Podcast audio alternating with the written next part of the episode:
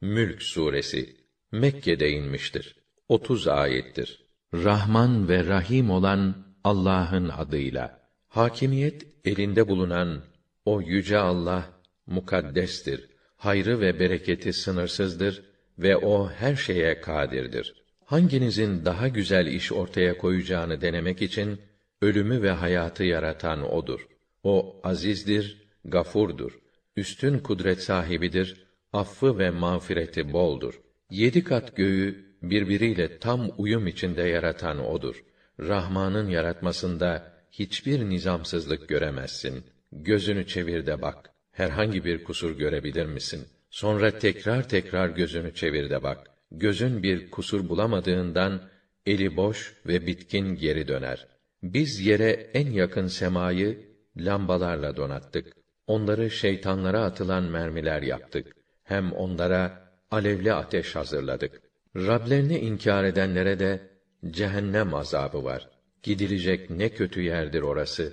Onlar oraya atılınca cehennemin müthiş homurtusunu kaynaya kaynaya çıkardığı uğultuyu işitirler. Cehennem öfkesinden neredeyse çatlayacak haldedir.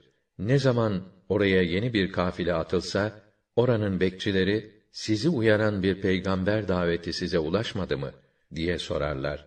Onlar şöyle cevap verirler: Evet, bizi uyaran oldu ama biz onu yalancı saydık ve Rahman hiçbir vahiy indirmedi. Siz besbelli bir sapıklık içindesiniz dedik ve ilave edecekler. Şayet biz gerçeği işiten ve aklını çalıştıran kimseler olsaydık elbette bu alevli ateşe girenlerden olmazdık.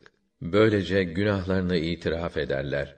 Rahmetten uzak olsun o cehennemlikler. Fakat Rablerini görmedikleri halde ona karşı saygılı davrananlara mağfiret ve büyük bir mükafat vardır. Sözünüzü ister içinizde gizleyin, ister açığa vurun, hepsi birdir. Zira Allah gönüllerin künhünü dahi bilir. O yarattığı mahlukunu hiç bilmez olur mu?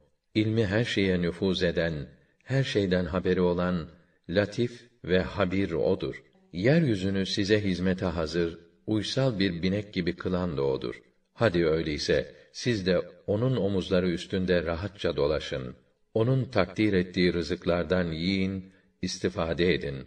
Ama ölümden sonra dirilip onun huzuruna çıkacağınızı da bilin. Yüceler yücesi olan Allah'ın sizi yerin dibine geçirmesinden emin mi oldunuz? O zaman bir de bakarsınız yer çalkalanıp duruyor.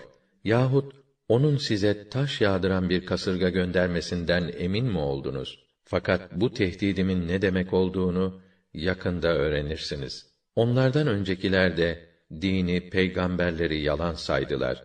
Ama benim ret ve inkar edişim, intikamım nasıl olurmuş anladılar.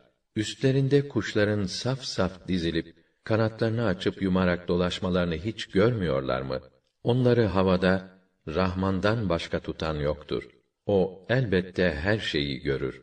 Rahman'ın dışında size güya yardım edecek kimmiş? Doğrusu kâfirler büyük bir aldanış içindedirler.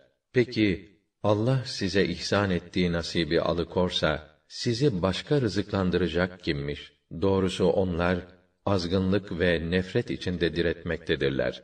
Düşünün bir, yüzü koyun kapanıp yerde sürünen mi varılacak yere daha kolayca ulaşır yoksa dümdüz yolda düzgün şekilde yürüyen mi?